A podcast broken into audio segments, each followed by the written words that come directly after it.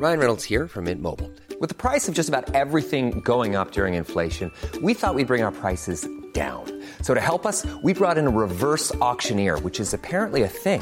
Mint Mobile unlimited premium wireless. Ready to get 30, 30, bit to get 30, bit to get 20, 20, 20, bit to get 20, 20, bit to get 15, 15, 15, 15 just 15 bucks a month. So, Give it a try at mintmobile.com slash switch. $45 upfront for three months plus taxes and fees. Promo for new customers for limited time. Unlimited more than 40 gigabytes per month. Slows. Full terms at mintmobile.com.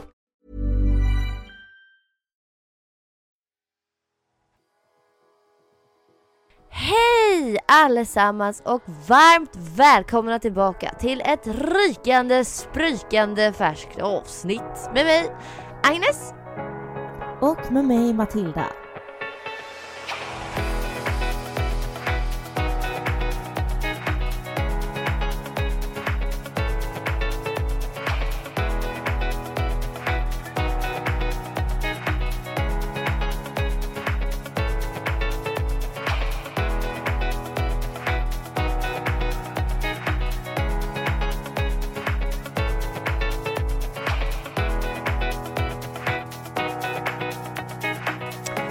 Vad trevligt att vara tillbaka i studion jag på att säga. Men det är det faktiskt inte. Det är ju på distans du och jag kör. Ja men precis, det kanske många har ändå undrat över. Men det gör vi ju. Vi sitter ju inte i samma stad, du och jag. Nej. Du sitter i Lund och jag i Göteborg. Ja, och jag tänkte, jag tänkte på det sen förra avsnittet så fick vi lite kritik på ljudet och vi är väldigt uppmärksamma på det och vi kämpar faktiskt skitmycket med att eh, att liksom leverera bra ljudteknik och vi, eh, vi, vi gör vårt bästa. Vi har ju liksom ingen kompetens av IT, varken du eller jag, så vi har ju liksom slängt oss ut i det här med typ noll koll på någonting. Men vi gör vårt bästa och eh, från och med nu så ehm, hoppas vi ju att ljudet kommer bli bättre för att jag var nog lite ehm, långt ifrån, jag tror inte att jag var långt ifrån micken, men jag var lite otydlig när jag pratade så jag måste liksom ta i lite från magen. Ja, och så blir det typ att det fångas upp lite brus i bakgrunden liksom. Mm. Men eh, som sagt, vi, vi jobbar verkligen på det. Det är klart att vi också vill leverera så bra kvalitet som möjligt verkligen. Eh, och eh, vi försöker förbättra oss för, för varje gång som går, givetvis. Ehm, ja, men så vet ni. Ja, vi vill ju vet. att ni ska bli nöjda och vi, eh, vi, vi, ja, vi, vi gör vårt bästa i alla fall. Så får vi se hur det går. Ja. Men Ja. på tal om att vi är på distans, hur är läget borta i Göteborg? I Göteborg, nej men alltså jag har varit lite delad i energin idag. Alltså när jag kom till jobbet i morse och kände bara så här, åh, en annan dag. Nu orkar jag inte mer. Jag känner mig deprimerad. Bara, alltså nej. Jag vet inte, ibland kan jag få såna jävla dippar och bara känna att ingenting är kul. Och sen, sen så svänger det. Och så känner jag, jag älskar livet. Och jag gör nog ändå det, landade jag nog i. Att jag känner att jag är i en bra fas. Alltså, jag tror det är det som gör att jag är lite förvirrad i mitt liksom, mående kanske. Men, men jag är nog i en bra fas ändå. Alltså, jag känner att jag är... Jag var liksom ute i fredags, vi gick och åt middag på tavolo och, det var så gott och det var så trevligt och det var så bra. Och jag hade så jävla roligt ute faktiskt. Eh, och jag fick bara in sån här riktigt god mingel. Alltså jag minglar så mycket. Det var så kul. Jag träffade så mycket folk. Eh, och jag såg nog en av de vackraste männen jag har sett i hela mitt liv. Faktiskt. Alltså, Sluta! fin. Nej men alltså han var så fin. Han var så fin. Berätta mer! Eh, Ja, alltså vi går in på Cherry Lee efter vi har varit på Tavolo. Där var ju du och jag och Linnea och åt ju. Ja, just det. Jättetrevligt ställe. Ja men verkligen. Så att vi, vi gick dit och det dröjde inte länge innan jag blickade mitt emot baren och bara alltså wow, vad är det här för man? Vad är det här för kille? Alltså Nej men Agnes alltså han var så fin! Jag dör alltså. Pratar du med honom eller? Ja, ja, ja, ja, ja. ja. Och grejen är så här, nej men jag är ju ändå en sån som verkligen typ kan gå fram och bara så här, tjena, tjena. Och jag tänkte göra det, men grejen var så här att eh, det kom in några andra tjejer, så det var en tjej som ja, men började prata med honom och jag märkte ändå lite så här att hon var på honom och jag må säga att jag ändå kan läsa av situationen rätt bra. Jag såg att han kanske inte var helt intresserad. Alltså så. Eh, så eh, det kom fram typ en random tjej till oss. Jag vet inte faktiskt vem hon var. Eh, men hon, då sa jag högt, jag bara alltså jag kan inte släppa hur snygg han är. Alltså jag stör mig typ att hon står där. och då sa hon, hon bara jag känner honom. Va? hon bara ska jag gå fram och säga någonting? Jag bara ja alltså kanske då för att det känns lite dumt att jag bara så här hej flytta på dig, här är jag, Eh, lite så. Ah, ja, ja. Så jag skickade ju dit hans tjejkompis då som stod vid oss som jag, jag vet, ja jag vet inte, riktig, riktig hjälte i alla fall. Men så hon gick fram och hon bara Ja, alltså, alltså vi alla tyckte han var snygg. Alltså vi dog ju där borta. Men alltså var Eh. liksom, du har aldrig sett honom förut? Nej! Och han är inte ens från Göteborg. Oh my god. Kan hända att han är absolut lite ung, men eh, Mhm. det är ändå okej. Hur ung? 21. Ah, Okej. Ja, Ja men det är, det är, men, det är eh, ungt men det är, det är ändå okej. ja. Tycker jag. Ja visst, visst är det. Ja. Eh, nej men så hon gick fram och det dröjde ju inte några många sekunder där innan han kom till oss. Och eh, ja, man bara kände ju den här andra tjejens blickar. Men gud, han måste ju blivit Genom så bara- obekväm. Han måste ju stått där som en bit kött liksom på en köttmarknad och alla var hungriga vargar typ. ja men det var ändå lite fattat att det det var, jag markerar mitt revir. nej men, eh, men jag, jo men jag, I made, made a point så att säga. Men berätta mer, berätta mer. Okej, vad, vad, han kommer Nej. fram till ert bord alltså? Nej men vi satt liksom i baren och det är ju som en rund bar, fattar Ja, du? Så att det är ju, ja, så att de satt ju på andra sidan liksom. Mm. Eh, nej men det, det pratades lite, men visst jag märkte väl kanske lite tyvärr att han var ung. Alltså i sitt sätt, Mm. eller så. Mm. Så ja, jag vet inte, men vi bytte absolut eh, kontakt kan man säga. Så att, eh, Nej men sluta bra, har ni skrivit någonting Ja. nu eller? ja men det har vi. Det har vi absolut gjort. Ja. Eh, Okej, Ja, var bor han? I, eh, I Jönköping Jaha, bor han. vad gör han då? alltså vad, Eh, varför är man så snygg när man bor i Jönköping? Det undrar jag också. Alltså förlåt men who made this guy? Alltså jag undrar Nej, men faktiskt. sluta, kan du Det skicka en bild typ- till mig? Ja det kan jag faktiskt Ja, göra. ASAP. Det... Alltså nu? Ja, skicka nu på en gång. Jag har typ stress för jag måste få se. Jag kan typ föreställa mig, alltså jag, jag, jag ser, jag, jag, Ja, ja, vad tror du? Vad tror du? nej men jag tänker någon sån här lång, alltså mörk, bruna ögon, eller kanske lite grön, eh, grön, ljusbruna ögon tänker jag. Hallå, har, om, har du sett på Bachelorette USA? Mm, Jag ser mm. framför mig Joey. Han basketspelaren. Joey, det... Han ja, som det var han också med var... de fina ögonen. Vad sa du? Fina ögon va? Ja, ja han, han, alltså, han är så snaggad, typ så här, äh, också så här, alltså han är också från Minnesota precis som hon, så han har så här, äh, alltså han är värsta basketspelaren och sånt.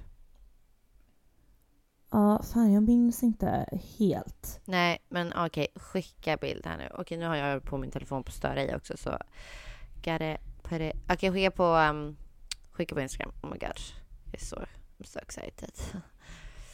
Okej, men alltså gud, ni har alltså skrivit? Var är han? Nej, Det är nu... jag dör. Nej vänta, vänta jag måste hitta honom här. ja. Oh. Vadå, vet du inte vad han heter? Det sjuka är att han sa att han hette Joel, Mm. men det gör han inte. För, att, för det såg jag ju att han inte gjorde sen. Så det var där jag bara kände, ja, Nej. jag vet inte. Va? Vadå, vad heter han? Där! Okej, vi kan inte säga hans namn kanske, men eh, skicka till mig. Men vad sjukt, vadå, hette han någonting? Vänta, skicka så jag får se så han... Han hette absolut något annat. Men vadå, hur kan man säga att man heter Joel och sen heter man alltså någonting helt tvärtom? Nej, jag Tvärtom. vet. Jag vet. ja, det är typ alltså bokstäverna baklänges. Det är nästan så. Men, Oh my och han var så lång. god. Alltså, nej men alltså förlåt men alltså jag var faktiskt lite i himlen där. Det var... Och sen så gick vi Nej. på toa, vi skulle gå ner på toaletten. Och då så stod vi ju i spegeln framför varandra och jag är ju så störd också. Nej, Nej men vad alltså nej men jag bara så direkt började liksom se oss ihop. ja. Att vi var fina ihop. Vi var faktiskt Ja. det.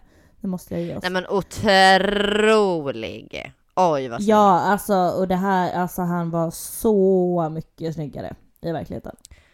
Men alltså om han säger att han heter Joel och sen heter han så här egentligen, då känner jag bara så här, ja men då kanske han inte ens är 21. Nej, eh, jag har faktiskt inte gjort min research och eh, stalkat grabben. Eh, det har Nej. jag inte gjort. Nej, men vi... Stalkat. Sta, stalkat säger man nog. Men jag skämt. Stalkat bara. jag ja. Men! Ja, men vi får se. Eh, det blev ingenting med det den kvällen i alla fall. Eh, men Nej, jag var bara tråkigt. väldigt minglig. Det var väldigt bra med killar och ja, jag vet inte. Jag var så... Åh. Jag var riktig killtjusare i lördags. I fredags. Nej men vad roligt! Ja, det var faktiskt väldigt roligt. Jag Och kände jag att gillar jag... när man kommer eh, in i såna. Ja, och jag kände att jag behöver detta. Gud Mm. vad trevligt. Så att eh, nu känner jag ändå att jag mår fina fisken. Eh, ja. Men jag. där grejer kan räcka ibland. Alltså ibland behöver man verkligen inte så här. Åh, jag behöver typ få en napp liksom. Eller ligga med någon. Eller jag behöver ha en kille som jag här, skriver och dejtar och flörtar med och sånt. Utan ibland kan det bara räcka att man har en riktigt bra mingelkväll och verkligen känner sig flörtig och liksom att den så här bekräftelsen av att bara känna sig så här jävligt nice. Alltså det kan verkligen räcka för en hel vecka typ. Ja, ja, ja, ja, ja. Gud ja. Gud ja. Så att jag känner att det som pågick där i morse lite så, ja, det var nog bara för att man var lite trött. Faktiskt. Men är du tillbaka på kontoret eller är du fortfarande Ja, hemifrån? jo, men eh, det är jag. Eh, och jag är väl inte riktigt van vid det. Alltså jag har jobbat hemifrån så länge plus att Alltså det här med corona och skiten, alltså det har ju bara gjort att jag är så jäkla trött. Så att eh, jag bara kände så här, vad gör jag? Vem är jag? Jag kände mig lite som en zombie i morse. Mm. Eh, men ja, nej. Sen övergick det till att jag var så här gick och träna och ja, nu känner jag back to rutiner. Ru- rutiner. Routine, back to reality och Ja. the ghost gravity. Ja, Ja, verkligen. jag fattar. Exakt så. Nej men så att Men- eh, livet rullar på. Ja, det gör det. Mm. Jag, eh, jag lever. Ja, så gott så. Mm. Hur Vad glad jag blir att höra att du har blivit frisk också. Ja, tack. Ja, Så man har lite hosta kvar så och trötthet som hänger i sig. Men, eh, men det kan man ju tydligen gå med skitlänge. Så att eh, jag är frisk, jag mår bra. Mm. Ja. Hur mår du? Mm, Vad skönt.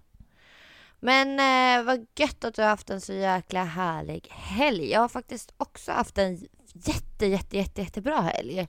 Ja, det ser ut som Ehm. du har haft det otroligt mysigt. Och jag Ja. råkar ju veta lite om fredagen där, vad du skulle göra. Nej, jag skojar. Var det mysigt? Var det trevligt? Ja men vi hade så trevligt. Vi, jag var i skolan hela dagen på fredagen och ehm, sen så på kvällen så åkte jag till Helsingborg och så hade vi tacokväll med några vänner och lite spelkväll och så här fett mysigt. Ehm, och sen så på lördag morgon så var det lite spontanare för jag sov kvar där. Och eh, så åkte jag med lite spontant till Uddevalla och eh, följde med min tjejkompis och hennes kille. För eh, hennes familj bor där och hennes mammas kille fyllde 60 och sen hade han byggt värsta sjuka baren uppe på deras vind. Alltså jag var så imponerad så att jag bara så här, oh my god, alltså jag typ höjde han till skyarna, han måste ju undrat vem fan jag var men jag stod där och bara alltså du har värsta talangen alltså du, jag bara vi kan skapa business här, alltså jag, bara fattar du hur många som har vindar eller som bara står och, och liksom bara är full med massa bråte som du kan göra till vackra barer och sovrum och allt möjligt. Jag bara Han bara gud, du, vem Men det är såg du? fett coolt ut. Jag såg ju på Men- din Instagram. Ja, alltså jag var, du skulle sett i verkligheten, alltså jag var helt i chock. Eh, och Ja, han hade gjort det där på typ så här en månad. Jag bara, ursäkta, Förlåt? det här hade tagit mig, ja. Alltså han bara, det var fullt Åh, med bråte på hela vinden och sen så bara hade han gjort om det till Bråte, värsta vad är det nu countrybaren.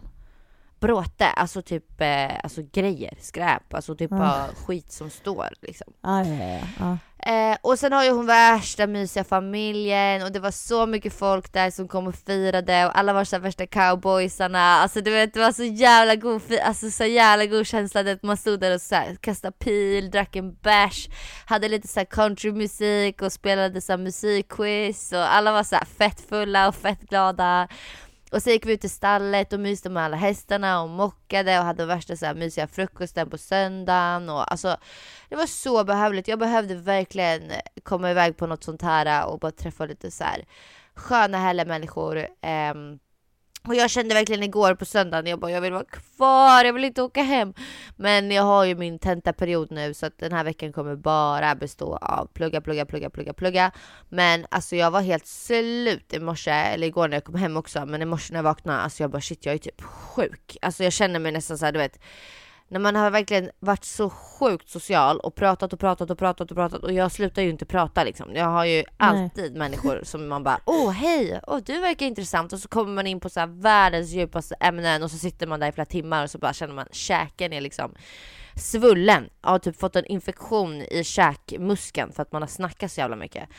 Eh, så jag kände igår när jag kom hem, jag bara åh, jag är typ helt sjuk alltså. Så idag, jag skulle ju verkligen så här plugga fett mycket men jag har typ legat halvdöd och bara jag är typ sjuk för att jag är så jävla tömd. Ja, men man blir ju så socialt utmattad, verkligen. Ah, totalt dränerad. Mm, mm. Eh, så att jag har väl inte haft en sådär jättebra dag idag. Men jag behövde verkligen den här helgen för att jag har ju haft en ganska jobbig vecka generellt sen innan det. Och helt ärligt en jävligt jobbig period. Alltså typ senaste året. Eh, och det är ju ingen hemlighet ja, att jag har ätstörningar. Eh, och de, alltså jag har aldrig haft så här jobbiga ätstörningar i hela mitt liv som jag har haft det här senaste året rent psykiskt. Fysiskt har det varit värre eh, om, man skulle, om man ska sätta någon slags skala på det. Men, men eh, det har verkligen varit eh, väldigt kämpigt senaste tiden och jag kämpar så sjukt mycket med det här på liksom egen hand. Och Eh, och jag har tagit hjälp av andra människor och jag har försökt med det ena och det andra och um, det är verkligen en eh, tuff, tuff grej för mig. Och därför så var det ytterligare skönt att få komma iväg till en familj och de här vännerna som verkligen är så här. De bryr sig verkligen noll om utseende, noll om liksom, alltså det, det finns inget snack om sådana saker överhuvudtaget. Det var så jävla skönt. Men därför så tänkte ju både du och jag, jag, jag såg ju på en, eh, en dokumentär som heter Under kniven på SVT. Och skickade den till dig och bara kolla på den här, vi måste diskutera. Eh, och du har alltså kollat på den? Det har jag. Och jag har ju hört om, eh, om den här dokumentärserien eh, tidigare också, om att den är väldigt bra. Eh, Så att jag har ändå, jag har ändå förstått grejen liksom och har velat se den. Så att äntligen kan jag ju säga. Och det väcker ju så många tankar och så mycket känslor. Jag vill först då bara säga att vad stolt jag blir över dig som bara ens tar upp och pratar om dina ätstörningar så här. Alltså, Ja det är Det- fett läskigt alltså, jag är typ skakig just nu. Jag är helt nervös ja, för det ja, här men jag blir helt men... tårögd när du sitter och pratar om det. Jag, jag vet hur jobbigt det är för dig, verkligen. Ehm, Mm. Men du, du Ja, kan och det hjälpa det, så många i det. Och du gör det redan. Jättemånga hjälper du. Mm. Mm, det, det är ju verkligen ehm, en komplicerad sak och det är så mycket laddning i att prata om det. Det är därför jag känner att jag blir nervös för att det är så många Alltså det är så tolkningsbart och det är så jäkla lätt att trigga någon eller råka säga någonting som, som faller fel och man vet inte hur saker och ting ja, men tolkas av alla möjliga olika människor med sina olika bakgrunder liksom. Nej. Och, Vad som det är det som är så vad läskigt. liksom. Ja, och det är ju inte heller 100% mitt ansvar. Jag kan ju inte liksom eh, prata utifrån att alla liksom, tusentals människor som lyssnar ska liksom... Jag kan ju inte prata utifrån allas perspektiv. Så jag vill bara säga, jag vill börja med att säga att liksom så här, om du är i världens liksom att, alltså om du har en stor ätstörningsproblematik så kanske inte det är lägligt för dig att lyssna på det här avsnittet. Jag vet inte riktigt hur, vad vi kommer komma fram till och jag kommer försöka att vara så liksom neutral och försöka att inte trigga på något sätt. Men om du känner bara så här, det här är inte ens bra för mig att lyssna på överhuvudtaget, så, så, så gör inte det. Men om du kanske eh, liksom är rätt lugn i din ätstörning just nu och känner att du vill prata med någon eller lyssna på någon som, är, som kanske kan ge dig råd eller tips eller eh, om du har anhöriga som har problem så kanske det här kan vara jättelärorikt och för mig har det ju verkligen varit så här jag tycker att det är läskigt att prata om ätstörningar för att alltså det, som sagt det kan trigga men det känns också viktigt att prata om det för att det är en så jävla stor problematik i vårt samhälle. Och jag är verkligen en av dem som är jätteplågad av det. Jag har verkligen fallit för den kulturen och den ideologin och jag har blivit ett jätteoffer för, eh, för ätstörningar. Och ehm, jag och jäkligt många andra har ju det. Så jag kan väl försöka att göra mitt bästa i att vara en förebild i att våga helt enkelt blotta mig med det här så, så, så gott jag kan. Eh, men du däremot Matilda, du har ju aldrig haft ätstörningar så som jag har förstått dig. Nej, nej alltså jag har ju snarare blivit anklagad till att jag skulle ha haft det. Eh, just för att mm. jag alltid har varit väldigt smal. Eh, jag har ju snarare kämpat på det andra hållet att försöka gå upp i vikt. Eh, typ hela mitt liv egentligen. Och eh, jag tyckte att det varit jätte, jätte, jättejobbigt verkligen. Jag fick ju alltid höra att jag såg ut som ett skelett när jag var liten och jag fick liksom kämpa med att ta extra mat i matsalen i skolan och eh, ja, men jag blev väldigt kritiserad jämt. Eh, och ja, det var jättetufft men som tur är liksom, ja, jag vet liksom inte men det hade ju lika väl kunnat vara åt det andra hållet och någonstans så är det ju så mer accepterat att vara smal. Eh, just för att det är samhällets ideal någonstans. Eh, men jag... det är det där som är så sjukt också att mm. så här, man får inte vara för smal. Nej precis, det är också Utan så du ska jävla vara, alltså, liksom. Eller hur? Mm, att mm. du ska behöva få höra massa sådana påhopp under, ditt, under din barndom. Ja, det har och ju skapat fokus sina komplex liksom också, såklart. Mm. Men, eh, men jag har ändå någonstans haft väldigt hälsosam syn och liksom förhållningssätt till, till mat och liksom mig själv. Jag har ju vetat om att jag har ju ätit asmycket hela tiden. Jag har ju alltid mm. varit väldigt glad i mat liksom. Så det har ju inte riktigt varit problemet och sen så Ja, jag har verkligen haft en sån debatt på min Instagram typ igår. Bara att... Eh, ja, men jag, såg. Ja, alltså, men jag fick liksom kommentar om om jag var gravid. Eh, man bara japp, mm. ser jag ut som det? Är det så här jag skulle gå ut med min graviditet? bara, nej, Men det är så jävla inte. problematiskt att skriva så till någon. Jag har också fått sådana kommentarer när jag hade en viktuppgång för ett år sedan mm. och var väldigt öppen med det på Instagram. Alltså, ja, det är så fruktansvärt känsligt att överhuvudtaget nämna någonting sånt på... Ja men man alltså, kommenterar alltså, någon. inte någons kropp så. Alltså man gör inte Nej. det. Alltså även om jag posade på ett visst sätt och gärna kan så här hålla lite för magen när jag posar för att jag vet inte, jag gör det.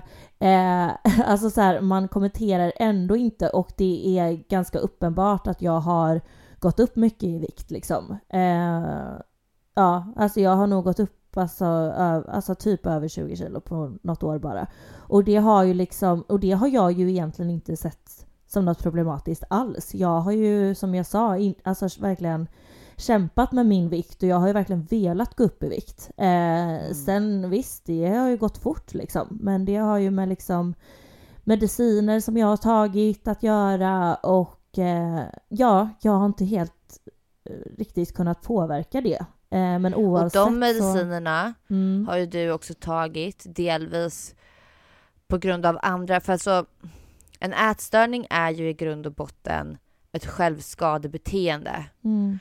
Och du har ju haft andra typer av självskadebeteenden som också delvis har varit en anledning till varför du har medicinerat dig. Mm. Absolut. Eh, och liksom, och även en ätstörning är ju också alltså det är beroende, precis som ett, ett självskadebeteende. Mm. Uh, men problemet med ett beroende som ätstörningar Alltså till exempel om du är alkoholberoende. Ja. Alltså alkohol är ingenting som ingår i ditt liv egentligen. Så det är någonting som man kan, alltså säg såhär 12-stegsprogrammet liksom. Alltså, man kan säga nej till alkohol. Jag säger inte att det är lätt eh, och jag ska inte förminska det beroendet. Men problemet med nässtörning är att så här, du dör utan mat. Du dör inte utan alkohol. Så mat kommer du alltid att alltså, fejsa liksom. Du kommer alltid behöva att ha det framför dig. Eh, för att du kommer inte ifrån det. För gör så då dör du liksom. Mm. Eh, och det är väl där som det blir ett sånt otroligt fängelse att leva i när man har en ätstörning som konstant snurrar i skallen och man får inte bukt med vad när man liksom inte kan gräva ner i vad är det här egentligen handlar om. Och vad jag ville komma fram till med den här dokumentären som jag såg, det var faktiskt, okej okay, nu kommer jag vara helt transparent här och jag, jag hatar egentligen att säga det här, jag skäms över att säga det här, men det är min sanning och det är säkert många som känner igen sig, men alltså jag har liksom, alltså det går så mycket upp och ner hela tiden med, alltså vissa dagar är det mycket bättre än andra dagar, vissa år är det bättre än andra år, alltså så här, som det är för många liksom. Och eh, som sagt så har jag haft ett väldigt tufft år och de senaste veckorna har varit jättejobbiga. Och eh, det slutade med att jag faktiskt satt till och med en natt i desperation och bara så här, jag tänker boka en konsultation till en operation. Och sen vaknade jag dagen efter och bara kände så här, vad håller jag på med? Alltså vad är det som har tagit mig från att liksom födas till att stå här idag och bara så här, jag behöver göra en operation på en helt frisk kropp. Alltså, vad är det jag ska operera? Jag har inte skadat mig. Jag är inte, min kropp är inte sjuk eller alltså så här. Och så började jag bara rannsaka mig själv och bara så här, jag blev rädd för mig själv. Alltså jag blev så här, jag blev så ledsen över vad ideal har gjort med mig. Att jag tror att det är fel på mig och vad mitt kontrollbehov och min själv, alltså mitt självhat har gjort att jag står här idag och liksom är beredd att kunna liksom gå på en konsultation av en läkare som ska typ eh, göra någonting med min kropp som ska kunna få mig att må lite bättre. Alltså förstår ni? Det är så här, det är så problematiskt egentligen för det är egentligen emot allt jag står för. Men jag hamnade i världens desperation. Och då kände jag bara så här, okej okay, jag måste researcha om det här. Jag måste läsa på om det här, jag måste förstå mer. Eh, det kan inte, jag kan inte bara ta ett sånt här beslut utan att vara mer säker eller förstå mer om varför jag gör så här. Och då kollade jag faktiskt, började med att kolla på den här dokumentären då under kniven. Alltså jag grät så mycket för att jag bara kände så här. Jag vill inte egentligen. Alltså jag vill, jag vill inte lägga mig under kniven. Jag vill inte sövas ner och att någon ska slita och dra i min kropp. Och, eh, och det var så skönt att typ så få se andra som också har såna här funderingar och som också har liksom blivit ett offer för den här hetsbantningskulturen och de här sjuka idealen som finns idag. Och jag diskuterade faktiskt med en kompis häromdagen att nu när OS eh, går så kan man ju liksom titta på atleter och det är ju människor som är extrema i sina sporter dock. Men de, om man tittar på deras kroppar så är de ju otroligt vältränade. Och det kan man ju prata om, det är hälsosamt eller inte. Men, men de är ju ändå på OS och det finns väl väldigt mycket regler och lagar av hur man får eh, liksom göra med sina kroppar för att nå de här målen med, liksom, med sin kropp. Och eh, när man tittar på de kropparna så är det ju väldigt liksom, vältränade kroppar. De har ju verkligen ätit och tränat till att se ut sådär och kämpat hårt som fan liksom. Eh, men när man tittar på typ idealen idag så är det liksom så här. Du kan inte äta och träna dig till att se ut så. Alltså så som idealet är. Eftersom att idealet idag är Kardashians och artister och alltså så här skitsnygga liksom kroppar som är opererade. Så hur mycket man än tränar och äter och försöker verkligen så här, typ kämpa och kämpa och kämpa och kämpa och kämpa så kommer man aldrig nå till idealet eftersom att det är opererade kroppar. Ja, och en Och sen grej s- jag reagerade på, alltså för det första sitter jag här och typ försöker hålla mig från att inte börja gråta. Alltså jag tycker det är så jävla jobbigt. Alltså, Mm. det, alltså att, att vara vän och liksom se på, alltså jag önskar liksom bara Alltså du kunde se dig själv ur mina ögon liksom. Alltså för du Mm. är liksom det vackraste jag vet. Och det är bara så jävla jobbigt att liksom se på. Och grejen är, jag klandrar dig ju inte för det här. Alltså herregud, alltså som du säger, du är ju sånt du är ju verkligen ett offer för det hela. Som så många Mm. andra är. Jag är också ett offer för det här. Alltså jag är också superpåverkad och det är så jävla hemskt bara. Alltså Mm. det är verkligen det. Eh, men sen i alla fall, jag reagerar på den här eh, i serien att de sa att förr i tiden så kunde man visa upp till sin liksom eh, plastikkirurg att ja men den här kändisen, så här vill jag se ut typ. Idag visar man upp bilder på redigerade kroppar som man tror, de tror att de inte är redigerade eller fixade eller whatever. Men de, så många redigerar sina kroppar idag och ansikten och gud vet vad.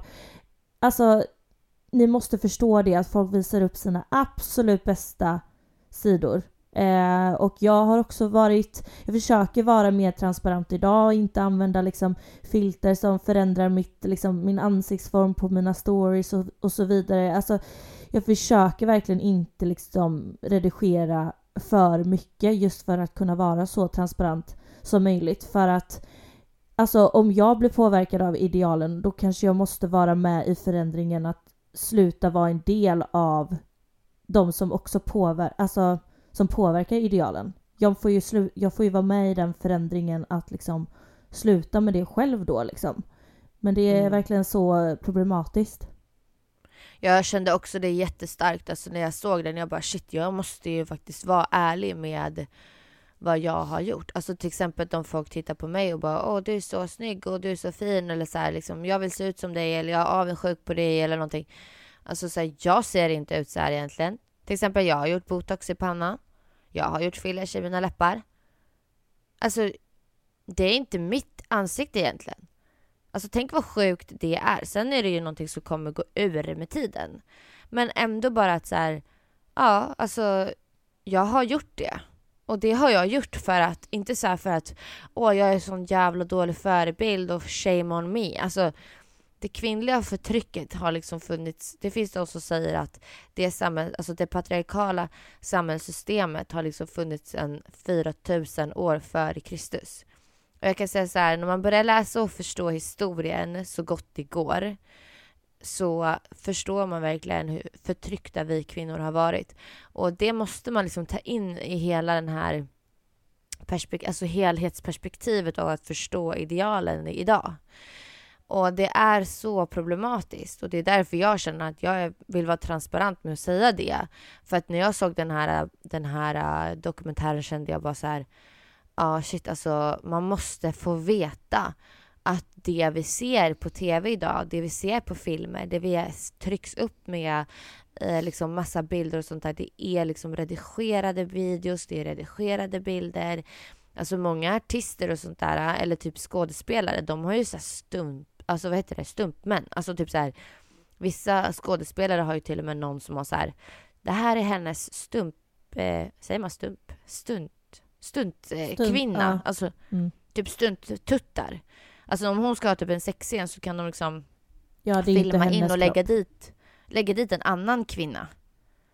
Mm. Alltså det är så här, man bara, det där är inte ens hennes tuttar eller det är inte hennes, hennes rumpa eller det där är inte hans magrutor eller det där är inte alltså, hans rumpa eller alltså det är liksom så mycket som är så sjukt fake som vi inte får veta om och det tycker jag är så synd hur vi hela tiden matas och matas och matas med olika ideal.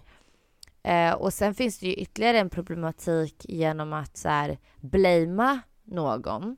För jag har ju varit väldigt liksom, transparent med min viktuppgång tidigare när jag kände mig mycket starkare psykiskt och jag hade en bra period i min ätstörning och, eh, och jag kände att jag kunde dela med mig av att få vara fri och, och liksom få, få ge det till någon annan. Att liksom, det är skönt att och bara få vara den man är. Vilket jag fortfarande idag står för. Men sen fick jag ett jättebakslag förra våren av en superdänga av min ätstörning. Och delvis uppbyggt av människor runt omkring mig och människor som eh, har kommenterat saker till mig på Instagram som ingen av, alltså ingen har sett de här kommentarerna förutom jag för jag har tagit bort dem och blockat människor. Men de kom, jag kommer ihåg dem. Jag kommer ihåg exakt vad allt, alla skrev till mig och hur de kommenterade min kropp och alla de negativa sakerna.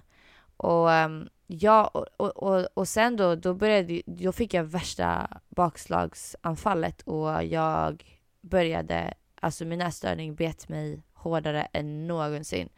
Och jag har aldrig haft sån smärta fysiskt och psykiskt som jag hade under den här perioden. Och um, alltså jag kan se tillbaka på det idag och bara känna, alltså jag blir så jävla ledsen av att typ tänka på det för att alltså det gjorde så jävla ont i hela mig. Och jag känner det fortfarande idag liksom hur jag, alltså jag har liksom behandlat mig själv så jävla jävla illa. Och uppe på det här så var mitt jobb fortfarande att vara influencer och jag började få så jävla mycket taskiga DMs om vilken dålig förebild jag är som inte lägger ut videos längre om eh, liksom att vara positiv i en viktuppgång eller hur min kropp såg ut då eller så här.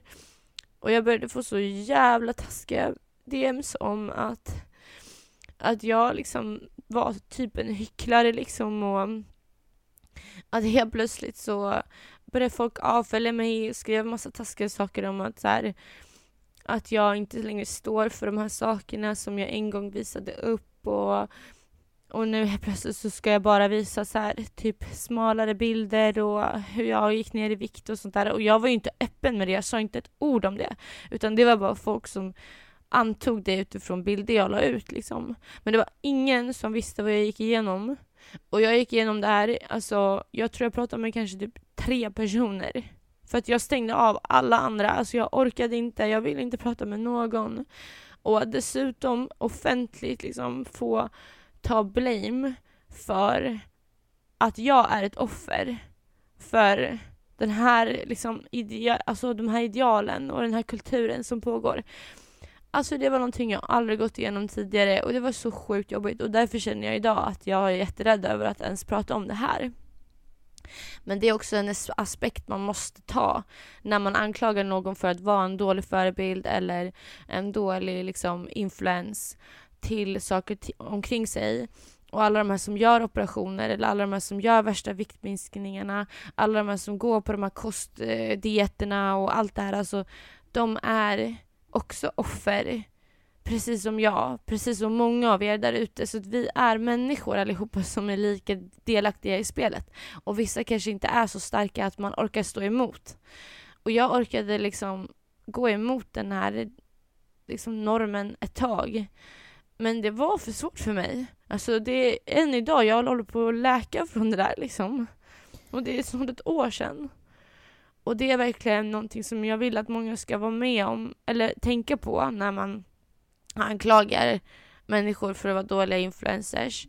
Som jag kan känna idag, att jag kan känna också att, att det är synd att vi inte är mer transparenta med vad vi faktiskt gör och att vi faktiskt är mer ärliga. Jag kan också hålla med om att det är så jävla dåligt ibland hur vissa framställer sig själv eller vad man får se på TV och vad man får se på film och alla, alla sådana saker. Men men det är en lång, lång historia. Det är så mycket mer att förstå än att bara anklaga en person som man tycker att du är en dålig förebild nu. Eller den där, så där, så där, man måste visa det här och det här och det här eller och så vidare. Men, men att man måste liksom kunna vara förlåtande till att vi alla kämpar och vi alla är liksom jävla offer för det ena eller andra. Vare sig det är en liksom en beroende av ätstörningar eller beroende av alkohol eller droger eller sex eller självskada, alltså att man skär sig eller alla typer av liksom de här destruktiva beteendena så är vi sådana offer och ibland vet man inte ens själv varför. Hey, I'm Ryan Reynolds. Recently, I asked Mint Mobile's legal team if big wireless companies are allowed to raise prices due to inflation. They said yes. And then when I asked if raising prices technically violates those onerous two year contracts, they said, What the f are you talking about, you insane Hollywood ass? So to recap, we're cutting the price of Mint Unlimited from $30 a month to just $15 a month. Give it a try at mintmobile.com slash switch. $45 upfront for three months plus taxes and fees. Promo rate for new customers for limited time. Unlimited more than 40 gigabytes per month. Slows. Full terms at mintmobile.com. Quality sleep is essential. That's why the Sleep Number Smart Bed is designed for your ever evolving sleep needs. Need a bed that's firmer or softer on either side? Helps you sleep at a comfortable temperature? Sleep Number Smart Beds let you individualize your comfort so you sleep better together. JD Power ranks Sleep Number number 1 in customer satisfaction with mattresses purchased in-store. And now, save 50% on the Sleep Number limited edition Smart Bed for a limited time. For JD Power 2023 award information, visit jdpower.com/awards. Only at a Sleep Number store or sleepnumber.com. Och då är det ännu svårare att kunna prata om det liksom. Och det är väl det jag har börjat att komma fram till mer och mer idag, liksom att så här, jag är ett jäkla liksom, ja, alltså jag, jag tycker det, jag tycker det här är så smärtsamt att ens se mig själv behöva bete sig så här, för jag vill inte det här egentligen. Alltså jag vill verkligen, verkligen inte vara så här. Och jag vill inte må så här. Och... ehm, Nej, jag vill Jag verkligen kämpar. bara ge dig sån jävla kram. Nu är det så jobbigt att vi sitter så här. Alltså verkligen. Och jag vet. eh, alltså, jag såg ju på liksom när allt det här hände också liksom utan, Mm. utanför liksom, eller vad man ska säga. Och alltså, alltså det var så jobbigt och jag fick liksom ta så många liksom diskussioner där folk tyckte liksom bara för att du hade tagit en plats där du ville visa din kropp liksom av att du hade gått upp i vikt och liksom väldigt ofiltrerat och sen gick ner i vikt igen. Alltså kan folk sluta? Alltså förstår man inte? Du har till och med redan då varit öppen med om att du lider av ätstörningar. Förstår ni inte vad det är som händer här? Alltså du är i ett alltså sjuk och man ska hela tiden glorifiera psykisk ohälsa att åh jag har ångest, åh jag är deprimerad eller åh jag har ADHD. Men kan vi börja prata om riktig psykisk ohälsa istället? Kan vi prata om ätstörningar? Kan vi prata om borderline? Kan vi prata om bipolär sjukdom? Alltså då är det inte så jävla trendigt eller coolt. Nej. Det är Mm. coolt att ha ångest som går över och det är coolt att vara lite, ha lite depression. Alltså jag är astrött på det där och framförallt så gjorde du ditt allra, allra bästa i den sekunden och i den stunden som du var i just då. Du, det är inte så att du planerade någonsin att åh, men nu ska jag göra det här och, och göra lite content för att vara bodypositiv liksom och sen ska Ja, jag... den fick man ju höra Ja, och sen... också. Ja, och att du liksom skulle utnyttja det på något sätt. Alltså ursäkta mig, alltså jag blir så jävla upprörd. Eh, Mm. Nej, alltså Nej, jag, jag ville verkligen inte. bara göra... Jag ville bara göra väl liksom och för att jag vet, för att jag vet hur, hur jobbigt det är. Ja, och jag tycker att det är så viktigt att, att vi är förebilder som, som kan vara det och som vill vara det i att liksom visa eh, vad en, alltså hur en, hur en vanlig kropp kan se ut. Och vad en vanlig kropp är, det är jätteolika. För att det finns också en problematik i att typ så här, alltså jag slutade ju också på grund av en anledning till. Så, alltså genom att vara så här bodypositiv och sådär. Eh, det är för att indirekt så menas ju det då med att jag tyckte, eller jag speglade ju mig då som egentligen var normalviktig. Bara att jag hade haft en viktuppgång som var ganska, så ganska fort liksom. Eh, men då indirekt blir det ju som att jag ger skenet av att jag är onormal. Alltså med, med det contentet jag gjorde då. Helt, alltså, ja, och att du skulle ta, min... ta bort, liksom att du skulle ta platsen för de som faktiskt lider av övervikt liksom. Mm. Ja, eller bara att jag ger skenet av att jag är, att det här är min normala kropp, mm. men det ändå är någonting inte normalt typ. Ja, men alltså, du har ju under hela den här tiden blivit hackad på i alla fall, vad du än mm. har gjort. För, ja, vad jag än har gjort. För när du var där så du... var det fel. När du gick ner i vikt mm. var det fel. Alltså, mm. det, och det var ändå resultatet av att så många hade tryckt på dig i så pass mm. lång tid också. Så att eh, Ja, mm. alltså ni, ni som lyssnar, jag, jag tror väl att ni är så fina människor och eh, vi, vi båda, både jag och Agnes också, har väl också kanske uttryckt oss klumpigt ibland. Eh, men tänker verkligen för hur, hur ni pratar med andra människor och hur ni formulerar er för att ord gör så jävla ont. Och som du säger mm. Agnes, du kommer ihåg än idag, även om du tog bort de kommentarerna snabbt som fan så har de ändå satt sig hos dig liksom. Och det är ja. vad ord gör. Eh... Och vissa saker kan liksom aldrig bli osagt. Nej, nej verkligen. Det kan man aldrig ta tillbaka för att du har redan sagt det och då, då är det ute liksom.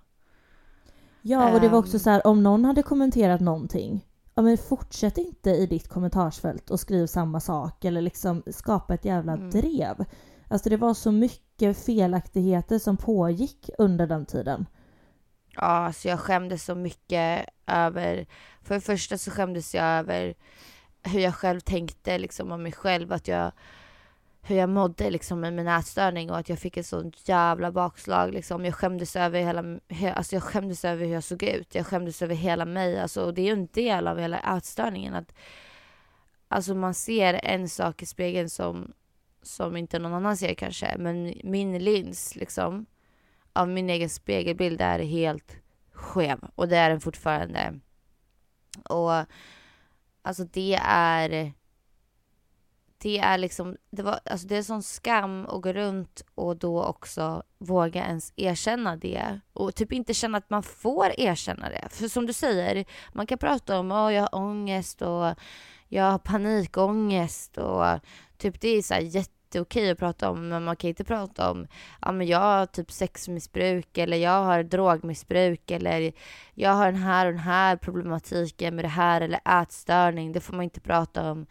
Um, och det, det är så här, jaha men där har vi ju verkligen saker som vi kan lära av varandra. Där har vi ju ämnen vi behöver få lov att prata om. Alltså vi behöver få lov att visa de sårbarheterna och få lov att vara mänskliga. För det är mänskligt att göra misstag. Och vi är unga människor. Vi försöker hitta våra vägar här i livet. Vi försöker att skapa fram en typ av mäns människa eller typ av liv som vi vill ha. Och det ingår liksom att man får testa sig fram. Hur ska jag kunna födas som en bebis och vara typ 80 år i sinnet? Alltså det är ingen som vet. Alltså, det är så vi människor lär oss, genom att testa oss fram och försöka hit och försöka dit. Och om man då ska tysta ner allting och inte få prata om det och det och det och det. Men det där och det där får vi jättegärna prata om. Men det kanske är just det där andra vi behöver fördjupa oss i och kopplas ihop i. För att det vi skapar när vi måste tysta ner massa saker, det är ju bara separation. Och det gör att man känner sig så jävla, jävla ensam. Ja. Och det har varit skitsvårt offentligt. Um, men eh, någonting som jag ville verkligen komma fram till med det här avsnittet, det var att jag började lyssna på en podcast som heter Viktigt. Där hon pratade och intervjuade en tjej som eh, eh pratade om tvärtom-dieten. Och då kom de in på någonting som heter intuitivt ätande och typ så intuitivt, trän alltså intuitiv träning och intuitiv sömn och alltså jag kände att det kom en så här, ett lugn i hela min ryggrad och i hela min själ. Och jag bara kände så här, alltså jag började gråta så mycket. Jag kände fortfarande att jag behöver typ gråta för jag bara kände så här, det är så jag vill typ leva mitt liv. Att bara känna att så här, att jag kan bara vakna på morgonen och typ lyssna på vad min kropp säger att den behöver. Inte typ så här, ha så här sjuka kontrollbehov av att säga jag får inte äta den där under tiden. Jag måste äta lunch den tiden, middag den tiden, frukost den tiden. Eller jag vill inte ens träna idag. Min kropp säger att den vill inte men jag gör det ändå. Jag tvingar den till att göra det. Alltså jag har så många olika typer av ätstörningar och jag tänker inte gå in på detaljer av hur de ter sig. Men alltså jag har såna sjuka liksom kontroll och behov, liksom kontrollbehov på hur jag lever mitt liv. Och när jag lyssnar på den här podden, jag bara men gud, jag började liksom registrera typ att så här, typ som att det är helt normalt att gå på kostschema eller dieta eller hålla på med bantning eller tvinga sig till att träna eller ja, alltså sen, sen säger inte jag att så här, att eh, man ska bara lägga sig platt och inte göra ett skit och bara liksom sitta och käka choklad resten av livet. Men det kommer inte kroppen säga till dig att den vill heller när den har kommit i balans i, med dig vad den vill ha.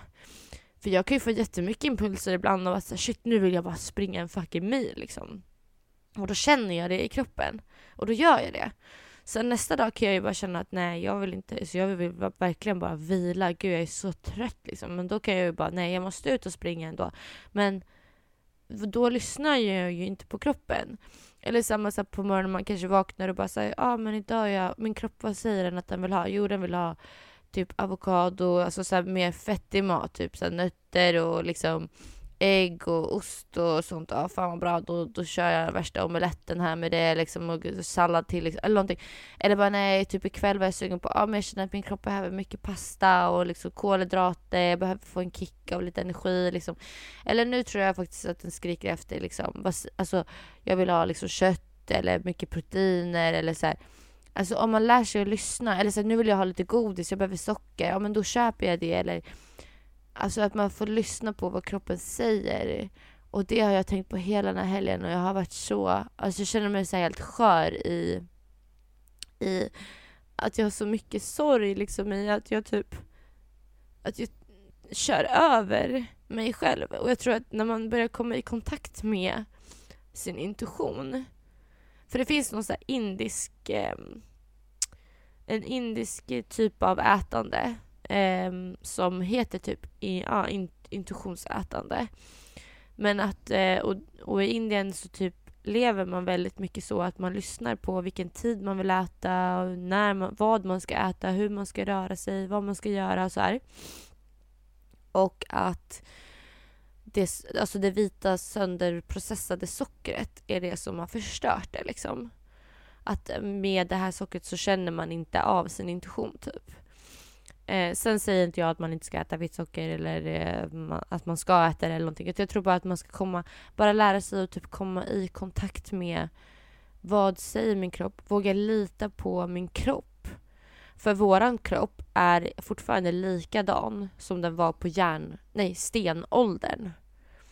Så den är lika programmerad att vilja överleva som då, som nu. Bara att i och med industrialismen och urbaniseringen och det här när jordbruket började massproducera massa mat och så här, vi, vi slutade producera vår egen mat och sådär så vi fick i alla fall i de rika länderna så himla mycket tillgång till mat hela tiden så vi hamnar inte i svältperioder längre.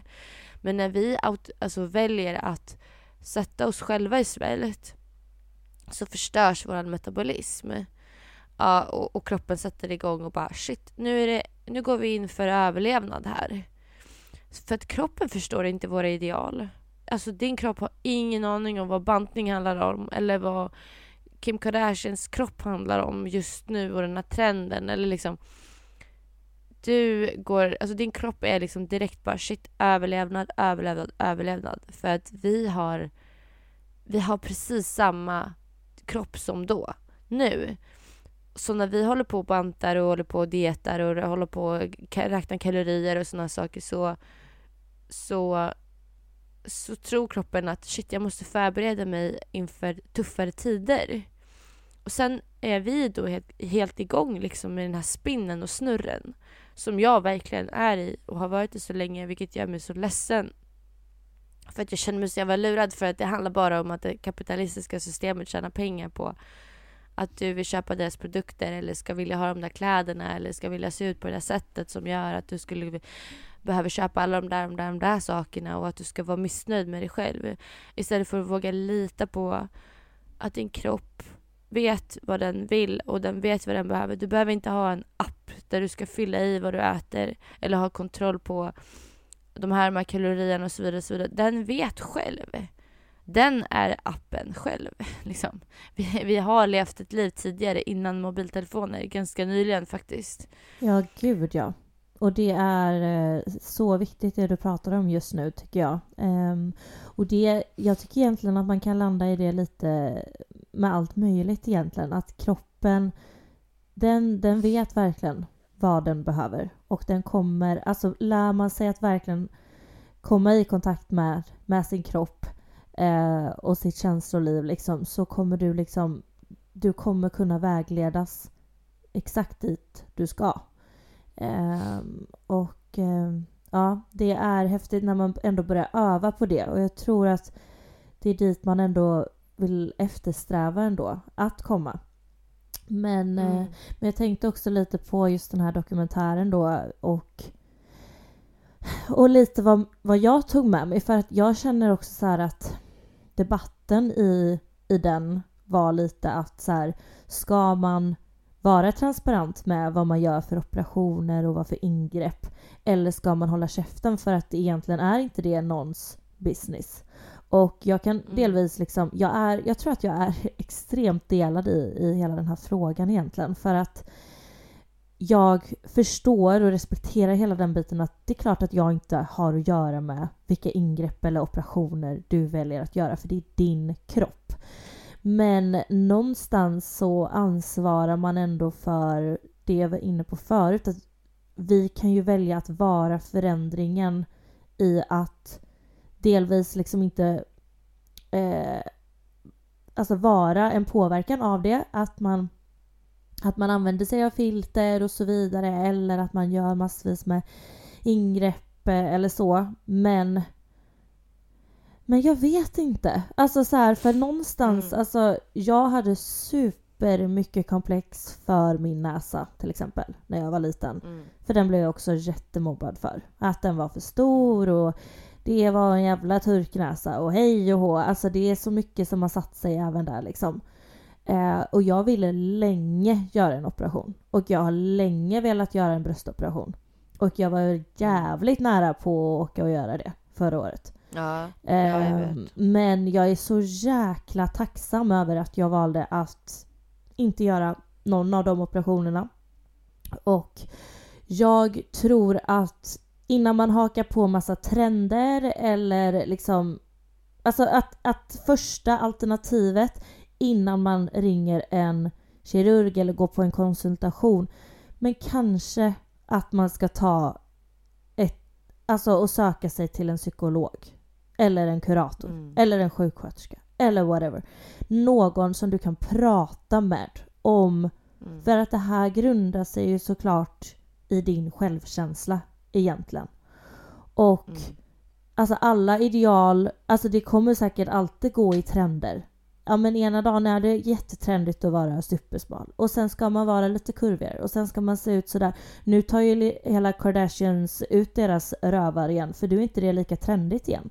Alltså mm. allt går i trender hela tiden och alltså det är så mycket komplikationer och risker som man mörkar eh, Mm. i allt det här. Alltså det är så farligt att lägga sig under kniven. Att lägga sig i, alltså i narkos. Att man gör det här för att upprätthålla ett ideal som vi alla mår fucking skit av. Alltså, mm. jag börjar bara känna så här, jag vill vara så naturlig jag bara kan. Men samtidigt så här, jag rycks också med och jag har ju gjort läppar, jag har också gjort botox och liksom testat på. Men samtidigt försöker jag vara väldigt så här, jag kommer aldrig göra någonting som kommer vara permanent. Eh, där går nog min gräns i alla fall. Men de här gränserna ruckas ju på hela tiden. Alltså ju mer du håller mm. på och många blir ju verkligen beroende av det här. Och eh, det är farligt. Det är verkligen det. Och alltså det är så vanligt i hela den här branschen bara du och jag är i. Alltså du vet folk drar ut reben, folk fettsuger sig. Alltså det är så jävla vanligt och jag känner man har ändå lite ljus på sig. Vi har så många unga tjejer och killar som liksom ser upp till oss eller som ser oss. Varför kan vi liksom inte påverka och förändra det här till, till det bättre? Alltså jag hade aldrig mitt fucking liv velat vara tonåring idag och se upp till det mm. det som vi har framför oss. Alltså idag är jag så jävla glad bara att jag är så stark i, i mig själv och min självkänsla att jag jag påverkas inte så mycket men självklart det ändå gör jag det undermedvetet. Mm. Delvis, ibland. Beroende på hur jag mår. Men hade jag varit en skör tonåring så hade jag, nu hade jag absolut gjort min näsa. Jag hade absolut gjort mina bröst. Eh, och återigen där, var fan försiktig med vad ni säger för att det är ju sånt här som leder liksom till att man skapar komplex hos andra människor. Eh, bara för att det inte är det normala eller är symmetriskt för någon annan. Alltså de här, alltså till exempel en näsa. Alltså det är, min mamma sa det, hon bara alltså det är ju det i ett ansikte som gör alltså en människa mest personlig typ. Alltså det är det som ändå lite så här sticker ut. Eller så här, egentligen whatever, allt egentligen som är dig, det är ju det har ju du för att du har de unika kvaliteterna. Och det är väl det mm. vi ska liksom embracea ändå. Mm. Jag håller med dig så mycket. Och i mina ögon, verkligen, du är så jävla vacker. Så det är helt sjukt. Och det vet du att jag tycker. Men jag vet ju mm. också de stunderna du har liksom svackat i de där känslorna. Och, och det är ju den här jävla kraften som är så stark idag att man är ett offer. Man nästan tvingas till att vara det för att man blir så otroligt matad med massa, massa, massa information av globaliseringen. Och jag menar en bonde på 1800-talet hade ju typ varit med om samma saker som vi är med på. Eller om, alltså under en veckas tid. Alla intryck, allt vi är med om, våra hjärnor registrerar på en vecka. Det är typ en bonde på 1800-talets alltså livstid av mm, information typ. Alltså det, det är, och det är på, på, gott och på ont. Och jag håller helt med dig om, jag har också suttit jättemycket med tankarna att så här, ja men en operation kanske gör att jag känner mig så här och så här för resten av mitt liv. Att jag kanske är, mår bättre av det för resten av mitt liv. Ja, det är mycket pengar, det är en stor risk att göra, men kan det vara så att det kanske är värt det om det blir så bra som jag vill och, och liksom lever lycklig resten av livet. om man ska se det så, vilket jag har svårt att tro att det skulle bli och vilket jag tror få människor är med om. Men säg att det skulle vara en sån situation. Då är det så här, ja, men då kanske det, då kanske det är värt det. Alltså, vem är jag att sitta och döma liksom? Men sen tänker jag nästa tanke att så här, Men om ögon inte fanns. Om vi bara hade typ lukt och känsel och smak och de sinnena liksom. Skulle man då lägga de pengarna och den risken att kanske dö, att kanske få komplikationer som... Alltså jag tror inte, jag tror vi kan vara ganska enade om alla som lyssnar också, att man hade nog inte gjort det. Eller jag vet inte, men, men Nej, det, det säger så mycket om... Ja, och jag säger inte heller, jag är inte här heller för att shamea någon som har gjort operationer, för jag nej, känner jättemånga gud, som har gjort det. Nej men ja, verkligen. Men jag bara varit så jävla konfunderad när jag själv satt och typ faktiskt bara satt in och scrollade på massa olika kliniker och kollade priser och, och sen bara... Vad, vad gör jag? Alltså vad gör jag nu? Vad har jag Jag är så glad att du vaknade upp eller fick en liten käftsmäll av det. Alltså bara så här, Ja, jag blev rädd. Ja. Mm. Och jag menar, jag har varit... Alltså jag, det har varit en sån påfrestning på min kropp under, så, under det här senaste året. Och jag har ju haft ätstörningar alltså sen min första, mitt första minne av att jag har kommenterat min kropp på ett negativt sätt var jag sex år gammal. Så det har varit i, alltså det här har pågått i mitt liv i 20 års tid. Det är liksom en del av min identitet typ. Och det försöker jag nu att kämpa med och jag vill få bukt på det här. Jag vill verkligen, verkligen det. Jag, jag är så jävla trött på det här sätt som faktiskt helt ärligt bara har blivit värre. Vilket skrämmer mig ännu mera. Men det är ju Och lite dit måste- man ska komma ändå. Att man verkligen Mm. vill 100 jävla procent bli frisk från Mm. det. För annars, ja det, det går inte annars. Nej, alltså jag vill inte skaffa barn till världen och ha såna här... För det är liksom min nästa tanke då. Ja, men säg att jag opererar mig då. Vilka nu operationer jag än vill göra spelar ingen roll. Men, men så säg att jag får barn sen.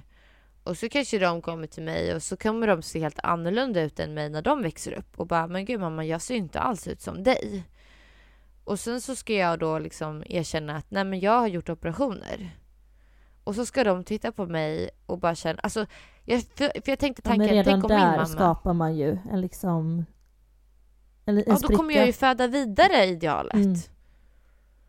Ja, Eh, som jag själv har kämpat och alltså, haft ett jävla krig med i mig själv. mm. Och jag vet ju i grund och botten vad de här ätstörningarna kommer ifrån. Alltså vad min dåliga självkänsla grundar sig i. Och det vet jag redan. Alltså, det har jag kämpat med och fått liksom, krånglat mig fram igenom och lärt mig att be. Alltså jag har verkligen lärt mig att förstå vad det, vad det grundar sig i. Um, men eh, men, men det, det, det, alltså det tar inte bort det tar ändå inte bort det, vilket kan göra mig ännu mer frustrerad att så här, jag vet bättre än så här. Och sen kan jag blamea bli med mig själv för det. Men Agnes, du vet bättre än så här, skärp dig. Men jag, jag fortsätter ändå. Och, och det är också en jävla skam. Mm. Och, och det finns så mycket skuld i att vara ätstörd. För att många kan vara så här, åh men, ja, men du har anorexia eller du har bulimi eller du har det här det här. Men, men många tror att, alltså, att man, är liksom, man behöver vara inlagd på sjukhus för att ha anorexi. Men helt ärligt så är det liksom typ 6 av alla som har anorexia eller bulimi som, som eh, är liksom underviktiga. De flesta, alltså resten, är, alltså 94% av alla som har störningar är överviktiga eller normal, normalviktiga. Så alltså det är en psykisk sjukdom och det finns omkring oss så mycket, mycket mer än vad vi tror. Och vi behöver liksom prata om det. Alltså vi behöver hjälpas åt för jag känner ett jättebehov av att liksom jag, jag vet inte vad jag ska ta vägen ibland. Och det är jättesmärtsamt och jag försöker så gott jag kan att liksom lista ut det här äh, och, och komma och hitta mina vägar i hur jag ska leva i det här. Äh. Och som du säger, tänk att vara tonåring idag. Alltså, jag är så glad över att jag är 26 år och min värsta tonårstid är förbi. För att det känns ändå som att även fast saker och ting kan kännas som att de blir värre, värre, värre än någonsin så jobbar jag ändå med mig själv och blir lugnare på många andra plan i mitt liv som, gör, som, som jag kan hjälpa mig själv med i det här. Och jag är så jävla redo att börja verkligen ta tag i att så här, nu måste jag våga hoppa. Mm. Jag måste våga komma till den stunden då jag är redo och bara släppa jag blir taget så glad om av att kontrollen. höra det här. Mm. Äntligen. Ja, det, det är mitt... Alltså, jag, jag vill det så... Jag vill det så gärna, men jag är fortfarande... Jag är fortfarande för rädd. Mm. Och det är Men jag inte börjar konstigt. liksom- Nej. Och det, kan, det kanske kommer en stund då jag bara, okej shit, jag vågar verkligen hoppa och släppa kontrollen och, och köra liksom och bara... Sen kan jag falla tillbaka igen och alltså... Mm, Det är så där livet fungerar liksom, men... verkligen. Men sen är det just den här tonårsperioden i ens liv också där man, där man inte vet vem man är. Och det vet man knappt under hela livet. Men just tonårsåren känns alltid som att de är, de är så himla speciella liksom. Och man är så vilsen. Och idag känns det verkligen som att det finns en så här press av att du ska veta vad du vill bli, du ska veta vem du är, du ska inte agera utanför boxen, bla bla bla bla bla. Även om det faktiskt också känns som att idag får man agera utanför boxen väldigt mycket mer än typ våra föräldrar och deras föräldrar och så vidare. Men det finns också jäkligt mycket regler och normer och, och att just det här att försöka förlåta liksom att men, jag är bara en lärande människa. Och jag måste ju få testa mig fram och se hur det känns. Ja, För att veta, verkligen. För att veta vad man pratar om liksom. Mm. Ja, Men ja. så är det verkligen. Och sen så vill jag bara ändå understryka det här kring plastikoperationer och sånt som vi har varit inne på. Alltså det, det finns ju en stigma kring det för att Ja men för att man uppfattas på ett visst sätt om man har gjort operationer eller alltså sådär. Det, folk är ju väldigt skeptiska till, till den typ av människor eller man sätter, alltså som de sa i den här dokumentären, alltså det Ja men man blir framställd som lite bimbo eller lite så här, att man skulle Mm. ha en viss personlighet för det eller så och eh, jag vill Men det verkligen. Ja, och jag vill ändå bara understryka det också, även om vi mer nu ändå kanske faller åt det andra hållet att försöka inte operera sig så mycket, eller att man i alla fall, och det här säger jag verkligen vänligast, att liksom så här, ja men försök att prata med någon först innan man väljer att göra ett sånt här ingrepp. Men skulle ett ingrepp eller en operation verkligen förändra ditt liv till det absolut bästa för att du verkligen ska må bra. Vi har ett liv liksom, det är så jävla kort. Om det hjälper dig för att du ska må bättre så, så gör det också. Alltså jag vill inte liksom så här på något sätt att shamea det eller liksom klandra er som gör det. För att jag förstår verkligen och jag har suttit i väldigt mycket sådana här tankar själv liksom. Eh, Ja, alltså verkligen, du är förlåten för att också vara ett offer av Mm, idealet. mm. Alltså, för vi är också det. Och, och precis som du säger, liksom att Alltså man får, jag tycker, jag, jag står verkligen också så kluven där i att man ska få göra precis vad man vill med sin kropp. Det Mm. tycker jag verkligen. Och, och, och, och sen å andra sidan så här vad, alltså att man faktiskt typ granskar sig själv varför precis. på riktigt varför. Eh, och vill jag vara, vill jag vara en, ett offer för idealet? Vill jag liksom fortsätta att eh, liksom spegla ut det här idealet? Ehm, och det är helt okej, alltså det är helt okej att vara, att inte orka stå emot för att jag, jag gör inte heller det. Alltså, det är därför jag vill prata liksom. om det här. Mm. Eh, och som du säger, så här, det är så här, damn if you do, damn if you don't. Ja. Om du, ska, du ska se ut som idealet, men sen går du och opererar dig och gör det. Precis. Men alla gör det i tystnad för att du får skit som fan om du Exakt. säger att du har gjort det. För då är det så här, ja ah, du är en bimbo, du är en Barbie, eller du ser ut som en, alltså Mm. du är fake eller alltså så här, folk som de också och- sa, alltså folk tycker det är osexigt för att man är så osäker och väljer att göra ingrepp liksom. Ja, man bara vad fan, vad, vad fan ska jag göra då? Ja. alltså, Nej, det är så en svår och stor diskussion verkligen. Ehm, mm. Men eh, Ja, och jag känner ju verkligen att så här, egentligen, jag vill inte göra det. Men sen kan det finnas, fortfarande så kan jag få tankar om att jo, jag gör det. ja, och sen, sen får bara, man en liten lägg av. kick i stunden att ja men fan nu är livet kul. En månad till. Mm. Nej men alltså så här. Det är klart att man Ja. kan få en liten kick av att göra sådana grejer också. Så att Mm. ehm, ja, jag känner vi alla är förlåtna för att vara offer för den här sjuka värld. Men ehm, Ja, vi gör vårt bästa på våra sätt. mm, mm, det var skönt. Alltså jag känner nu efterhand att det är så här så skönt att prata om det här samtidigt Mm. som jag får typ ångest för att jag bara säger gud vad har jag sagt nu Men du är så modig och du kommer trigga. hjälpa så många och det här poddavsnittet som du pratade om, viktigt med intu... In, intuitivt ätande. Ja. Ja. eh, superbra rekommendation. Eh, Jag lyssnar faktiskt också på. på en bok på Storytel som också heter um, Ät bara, tror jag det heter. Vi, kan, Mm, mm, vi skulle kunna länka dem faktiskt eh, i Självklart. beskrivningen. det gör vi. För jag, alltså det har öppnat upp, alltså wow. Jag känner bara hur, Ja, förstår Ah, ja. du vad härligt? Alltså förstår du att kunna, alltså jag kan inte ens föreställa mig men liksom jag bara känner att det, jag, jag vill ju det. Alltså mitt lilla barn i mig som bara så här, snälla bara, Mm. bara lyssna på och lita på din kropp för den vet vad den gör liksom. Ja. Och sen kan man ta ansvar att man liksom faktiskt så här, ja, men in, alltså att man försöker välja bra liksom, råvaror och att man, att man förstår liksom, den här processade maten, hur, hur dåligt det är för oss och sådär och att det är viktigt att röra på sig men att, men att man gör det i, alltså, i samspel med sin kropp och med sin intuition som säger till dig. För jag tror att om man börjar lära sig sin intuition um, både när det kommer, bara börja liksom där med mat och sådana saker. Jag tror att man kommer börja och liksom få intuition på allt annat också. Typ så här, nej, nej, jag känner nog faktiskt inte för att följa med på den här festen. Eller jo, Mm. jo, Ja, men det jag känner jag verkligen för att spela förut. den där matchen. Eller, ja, eller den här vännen vill jag nog inte vara med idag. Eller Mm. just, nej, jag tror inte att det här är bra, bra för mig. Alltså, Nej, det är så, sånt, så liksom. viktigt att lyssna inåt verkligen. Alltid.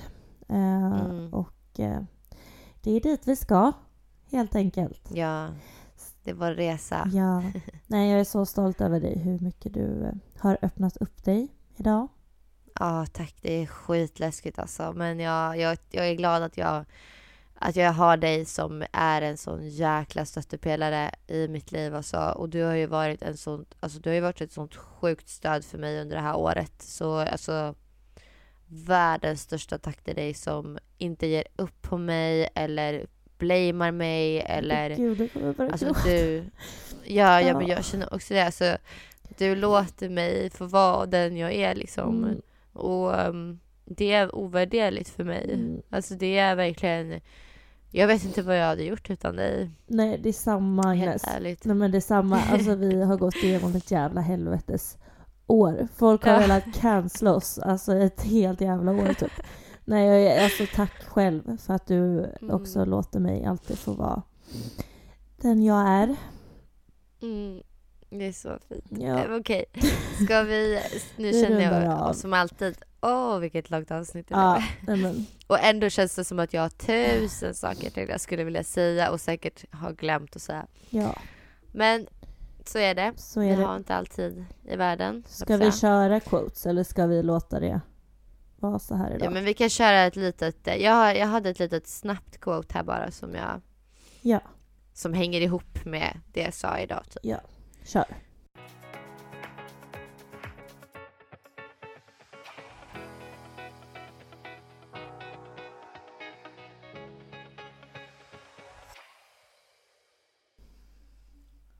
If you trust your intuition, nothing can ever go wrong.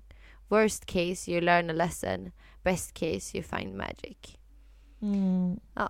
Och det har väl bara att göra med intuitionen helt enkelt. Och att jag är verkligen i in for it nu. Att totalt bara verkligen träna på att lyssna på Mm. den liksom.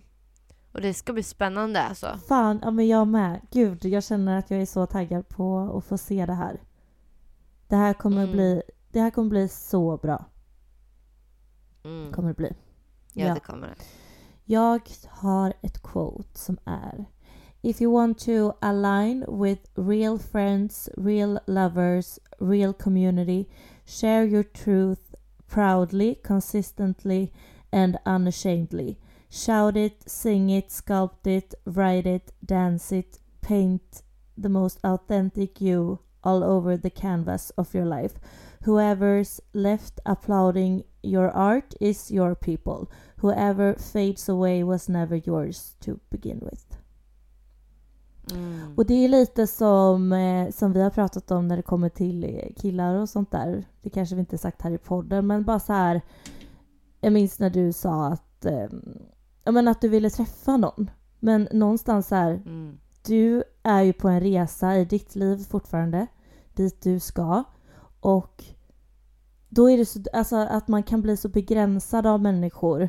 Eh, och Mm. det är egentligen bäst att bara gå sin jävla väg för att rätt människor kommer komma till dig den här vägen dit du ska. Liksom. Och eh, rätt Mm. människor kommer stanna och rätt människor kommer komma. Och ja, men att man inte liksom försöker anpassa sig så mycket efter ja, men andras önskan på en. Liksom. Utan att man alltid... Intuitionen. Ja, att man, ja men verkligen. Att man alltid Tillbaka till den. strävar till sin inre röst. Det är så jävla viktigt. ja. Mm. Och det är väl så vi får avsluta Ja, det det här avsnittet. Ja, och hörni, tack snälla för att ni har lyssnat. Mm, och verkligen. som sagt, hoppas inte att eh, någon har tagit illa upp av någonting. Och det kanske kan bli så att vi får liksom ta till avsnitt. Det kanske dyker upp frågor i er eller så. Har ni liksom någon typ av kritik eller så, så är det helt okej. Skriv det till oss på Instagram i Ja. så fall. Har ni kärlek, skriv det till oss på Instagram. Eller har ni förslag på samtalsämnen så är det verkligen bara att eh, öppna upp er och, um, och dela med er för att det uppskattar vi jättemycket. Ja, verkligen. Eh, och vår Instagram heter Agnes och Matilda podcast. Precis. Så, Tack ja, för att ni har med lyssnat. det så får vi bara tacka. Puss. Ja. Puss och kram. Puss och kram. Vi ses nästa vecka. Puss puss.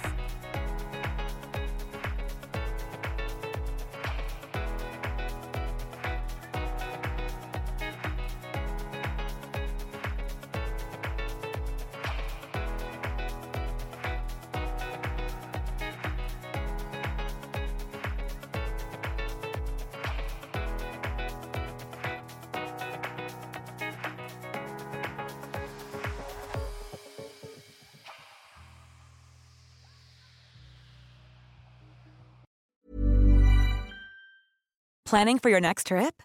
Elevate your travel style with Quince. Quince has all the jet setting essentials you'll want for your next getaway, like European linen, premium luggage options, buttery soft Italian leather bags, and so much more. And is all priced at 50 to 80% less than similar brands. Plus, Quince only works with factories that use safe and ethical manufacturing practices. Pack your bags with high-quality essentials you'll be wearing for vacations to come with Quince. Go to quince.com slash pack for free shipping and 365-day returns.